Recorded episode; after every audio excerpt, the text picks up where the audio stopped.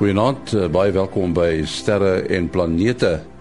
Ons het ons uh, gewone span vanaand, professor Mati Hofman en Willie Koorts. Dan natuurlik Kobus Olkers wat uh, oor ruimte weer gaan praat. Maar eers ruimte nuus wat geskryf is deur Herman Turin in Bloemfontein. Die astronomiese koste verbonde aan 'n bemande reis na Mars maak dit onwaarskynlik dat NASA so iets op sy eie kan aanpak. Al dis 'n verslag wat aan Bloomberg gelewer is.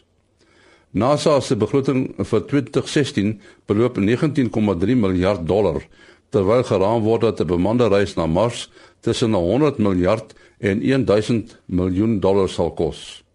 NASA beoog om teen ongeveer 2033 'n bemande sending na die rooi planeet te onderneem. Uit verskeie verslae blyk dit dat die VSA 'n vennootskap met ander agentskappe sal moet sluit, soos die Europese Ruimteagentskap. Daar is min ander opsies. Rusland is self besig om ernstig te besnoei terwyl die VSA deur Amerikaanse wetgewing verbied word om met die Chinese Ruimteagentskap saam te werk.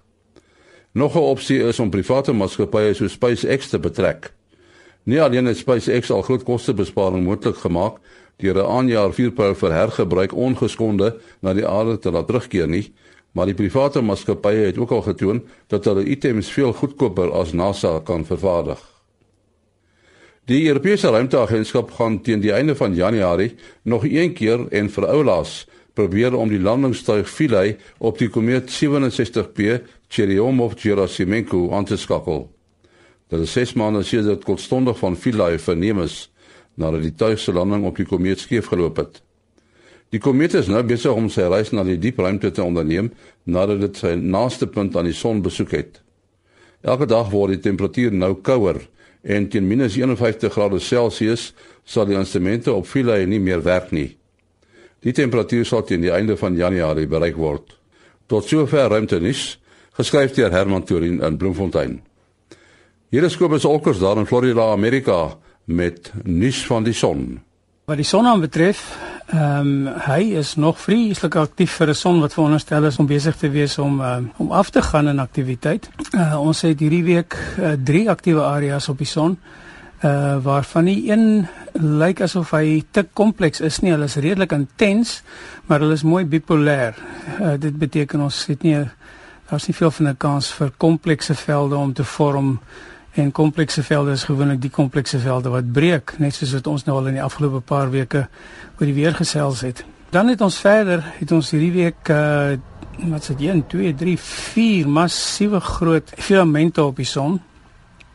Uh een van hulle lyk vir my 'n bietjie onstabiel, dit lyk asof hy 'n bietjie kan platval. As dit gebeur kan ons kan ons 'n hydervakkel kry wat vir ons 'n uh, bietjie onstabiliteit in ons ruimte weer kan gee, maar niks om oor hy toe te skryf nie. Ons uh, koronagate is hierdie week uh, redelik afwesig behalwe vir die feit natuurlik dat ons nog steeds ons uh, polêre kroon koronagat in die suidpool het. Uh so ons het nie veel van 'n uitsig op op uh, onstabiele ruimte weer hierdie week nie, mens maar natuurlik soos altyd in 'n komplekse stelsel kan 'n mens nooit presies voorspel nie.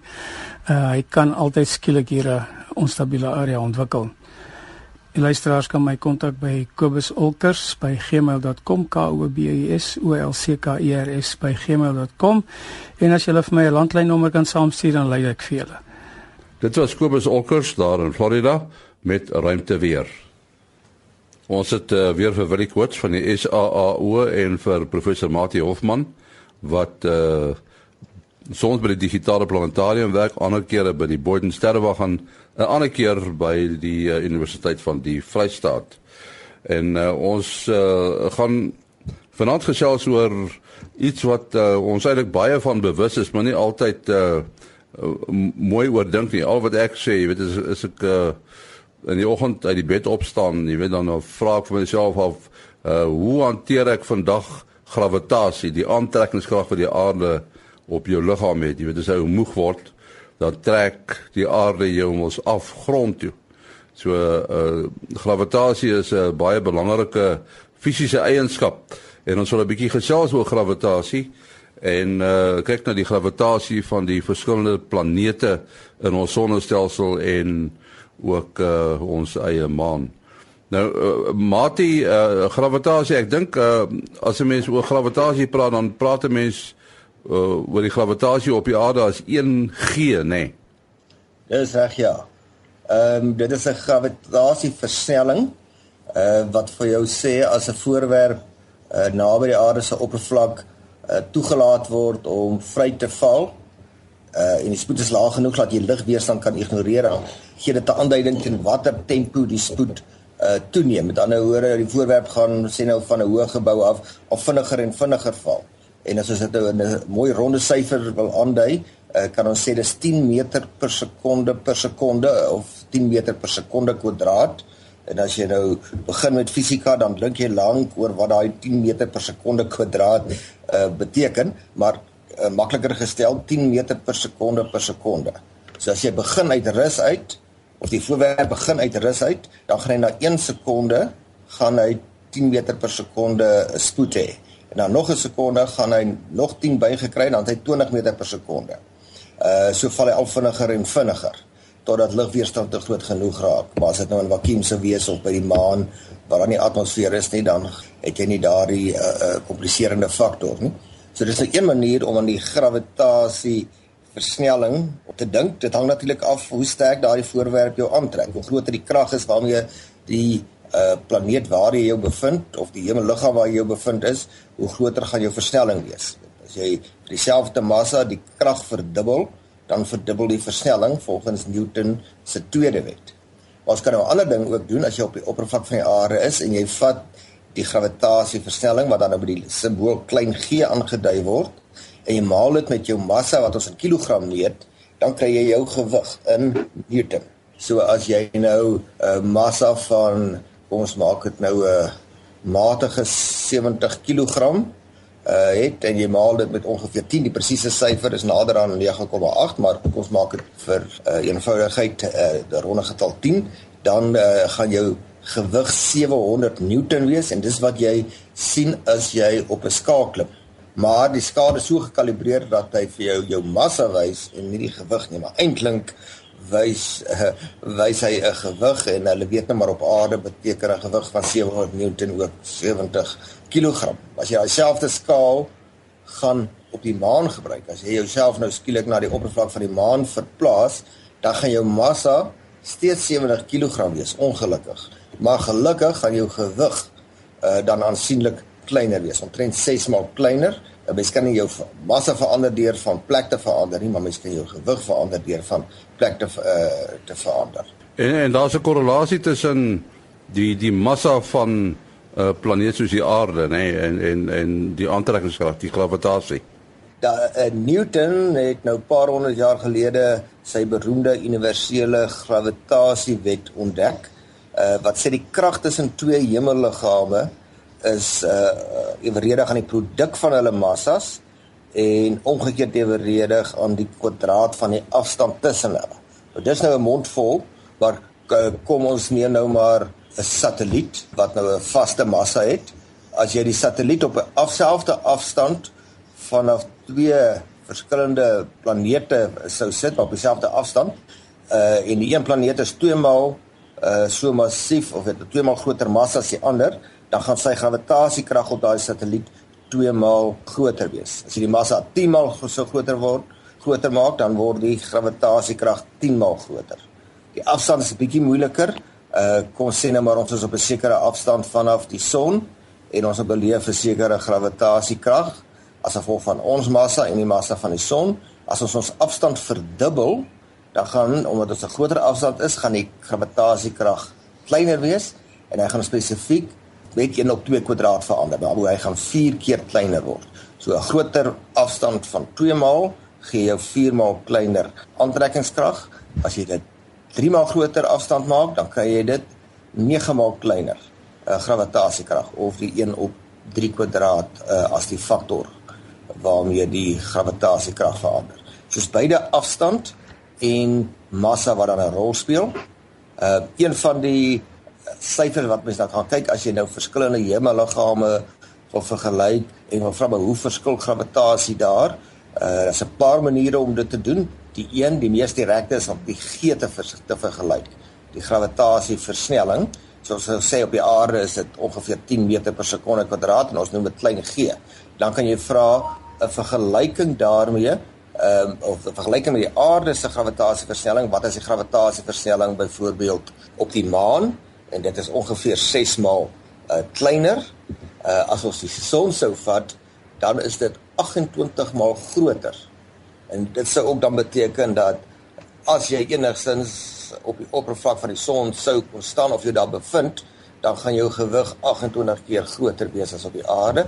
Dit kan jy natuurlik nie doen nie, dis nou maar net by wyse van hipotetiese se denke. Ag en dan meeste ander liggame hier in ons sonnestelsel gaan 'n mens se gewig aansienlik kleiner wees of die gravitasieverstelling is kleiner. Wat vir my baie interessant is, ek het nou vandag die eerste keer gesien, is dat die planeet wat as jy jou by sy oppervlak sou bevind, die gravitasieversnelling deur naaste aan die van die aarde sal wees, is Saturnus. Uh met uh dis binne 7% dieselfde gravitasieversnelling. Die planeet se massa is baie groter, maar nou sy radius baie groter. En die radius van die planeet bepaal dan hoe of op watter afstand vanaf die middelpunt is. Jy moet die afstande vir die gravitasiewet van Newton meet tussen die middelpunte van die liggame. Ja, is en as jy mens nou kyk na die kleinste planeet uh, Mercurius, wat sou sy uh gravitasie wees, sy G syfer? Ja, ja, dis 'n interessante probleem wat julle hierso gee in in die eksploratorium of die die die die uh, wetenskapsentrum in in Kaapstad.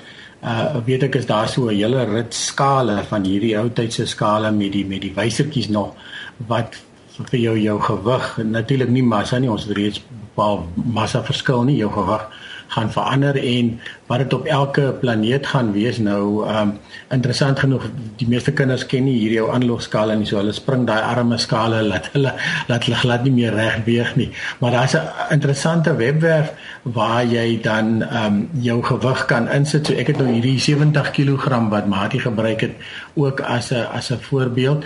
En ja so dan op Mercurius gaan jy dan 26 kg weeg En die ander interessante een wat uh, soos Martin nou sê, dis interessant dat op Saturnus gaan jy dan 74 wees, so dit is nogal baie na aan die aarde. Venus uh, is na, natuurlik omtrent so groot soos die aarde, dis ook om 63 kg. Uh gaan weer Mars is omtrent die helfte van die aarde, daar weeg jy 26 kg. Maar die een wat my weer verbaas het was Jupiter. Nou Jupiter weet ons is 300 maal meer as 300 maal groter as die aarde in volume. Daar's jy 100 jou 70 kg is daar maar 165 kg. So dit is nogal interessant, maar dit is weer die effek natuurlik omdat Jupiter natuurlik 'n gasbal is en um sy digtheid is natuurlik baie minder, Ga, gaan jou gewig minder wees, maar ook as gevolg van die afstand wat jy van die middelpunt van die planeet is, soos soos Mati reeds genoem het. Ja, en van al hierdie planete as ons hulle op water sou laat dryf, uh dan gaan almal sink behalwe Saturnus. Saturnus is bestaan hoofsaaklik uit uit waterstof en helium en ons weet dis al twee ligte gasse op aarde kan jy 'n ballon daarmee volmaak en die ballon styg op. So dit, is natuurlik hoekom jou gewig op Saturnus wat die tweede grootste planeet is, maar maar wel so so klein is. Ja, en interessantheid halwe soos Martin nou gesê het, As jy op die son sou kon staan met jou 70 kg, gaan jy 1895 kg weeg en op 'n wit dwergster gaan jy iets soos 91 miljoen kilogram. Gaan jy daar weeg en, en op op 'n neutronster is dit iets soos 9 nulle agter jou kilogramme. So daar raak dit net ongelooflik wat jou gewig daar sal wees. Uh ja, en miskien is dit uh, goed dat ons een konsep wat nogal mense nie so gereeld aan dink nie, uh, verduidelik as ons nou van die massa praat wat nie verander nie uh, dan gaan dit oor die traagheid. Die die konsep massa is gekoppel aan in die eerste plek traagheid wat sê hoe moeilik dit is om jou te versnel. So die traagheidsmassa het nie direk iets te maak met die massa gravitasiemassa waarmee jy uh, aangetrek word. So kom ons vergelyk nou 'n um, bal wat jy skop teenoor 'n 'n baksteen wat jy skop. Uh jou voet gaan baie seerder kry uh om jou baksteen te skop behalwe dit nou harder is maar hy het 'n baie groter massa. So dit is moeilik om die baksteen te versnel om hom in beweging te bring. So as jy nou die uh die baksteen sou vat en jy doen 'n eksperiment hier op die aarde en jy sien op 'n gladde gelykvloer hoe groot krag moet jy aanwend om 'n bepaalde versnelling te gee? Dan as jy op enige ander plek in die sonnestelsel is, of dit in die ruimte is, of dit op 'n planeet is, maak nie saak watter planeet nie. Jy gaan presies dieselfde krag vir dieselfde versnelling nodig hê indien vir dieselfde voorwerp. Dit beteken sy massa uh, is dieselfde. So uh die weeg-effek het te doen met die met die gravitasie en dan bestaan 'n verband tussen die die die massa van uh, wat bepaal hoe sterk jy aangetrek word en die massa wat bepaal uh, wat die traagheid is. Hoe moeilik is om 'n voorwerp te versnel en dit is iets wat Einstein baie oor gedink het. En die feit dat 'n mens basies die twee massas, die verhedigheidskonstante, jy kan hulle de definieer sodat hulle dieselfde is. Dit is ook verantwoordelik daarvoor vir 'n baie interessante ding dat twee liggame met die met verskillende massa uh, wanneer jy ligweerstand kan ignoreer versnel met dieselfde versnelling. Uh die mense kan bietjie gaan Google op YouTube na uh, uh die biggest vacuum chamber in the world in Brian Cox. Brian Cox is van die BBC wat 'n baie bekende sterrekunde program maak. Daar het hulle eksperiment gedoen in 'n baie baie groot vakuumkamer sodat hulle die effek van die uh lig verwyder en dat hulle 'n eh, bondel vere en 'n swaar metaalbal wat hulle saam laat val van 'n paar verdiepings hoog en dan val hulle altyd vinniger en vinniger maar hulle bly altyd langs mekaar en val tref self die, eh, saam die grond. En dan kan mens vra hoe is dit moontlik as die ene baie groter massa het? Die een se massa is seker 1000 maal groter, die metaalbal 1000 maal groter as die vere. Wel, uh die aarde trek hom met 'n krag van 'n 1000 maal groter aan, maar omdat hy 'n groot traagheid het, het jy ook 'n 1000 maal groter krag nodig om dieselfde versnelling te veroorsaak. So die groter massa se effek kanselleer uit sodat hy dieselfde gravitasieversnelling het as 'n voorwerp met 'n baie kleiner massa. Dan is die vraag ook altyd is is 'n mens kyk na 'n gewigstoter wat uh, 'n uh, gewig eintlik horisontaal wegstoot sover as moontlik. Uh die die kragte wat op die op daai gewig inwerk bly dit deurgaans dieselfde want dit is nou horisontaal met die middelpunt van die aarde. Ja dis 'n baie interessante beweging. Mens kan daai beweging analiseer as 'n sogenaamde projektielbeweging uh as jy nou 'n projektiel gaan skiet en na hy geskiet is of gegooi is is dan net een krag wat op hom inwerk en dit is die vertikale uh gravitasiekrag as hy nie meer aan jou hand raak nie is daar geen horisontale krag uh, op hom. En dan is hy in vryval, maar die feit dat hy 'n horisontale begin snelheid gekry het, het hom ons nou in 'n horisontale rigting en waarskynlik effens opgegooi. Nou wel, hy gaan nou so met 'n boog beweeg, soos as mens met 'n tuinslang spuit. Dit is baie dieselfde. Uh mens moet net altyd die lastige ligweerstand uh ignoreer of jou voorstel jy doen die eksperiment op die uh op die maan. En nou kan 'n mens uh as mens nou die die somme gaan doen en te weet maar presies hoe gaan daai baan lyk en dit kom daarop neer dat lyk soos 'n parabool. Maar as jy dit wil bereken dan moet jy aanvaar die horisontale komponent van die spoed bly konstant, maar die vertikale komponent van die spoed verander. Hy's eers op dan rukkie draai om en dan begin hy afwaarts val. En uh daaruit kan jy dan nou die die baan bereken as 'n paraboliese baan en jy kan gaan uitwerk op watter hoek moet jy omgooi vir 'n bepaalde snelheid om op die verste afstand te bereik dit is omtrent 45 grade as jy vanaf die oppervlak van die aarde tot terug op die oppervlak van die aarde werk. As jy hom lanseer van 'n bietjie hoër hoogte as die aarde dan is daai hoek bietjie verskillend van 45 grade. Uh, ons moet nou afsluit uh, mate jou besonderhede. Uh Henny, selfde nommer 083 625 7154. 083 625 7154. Willie en 0724579208 0724579208 en uh, my e-posadres is maas.henny@gmail.com maas.henny@gmail.com tot uh, volgende keer. Bly lekker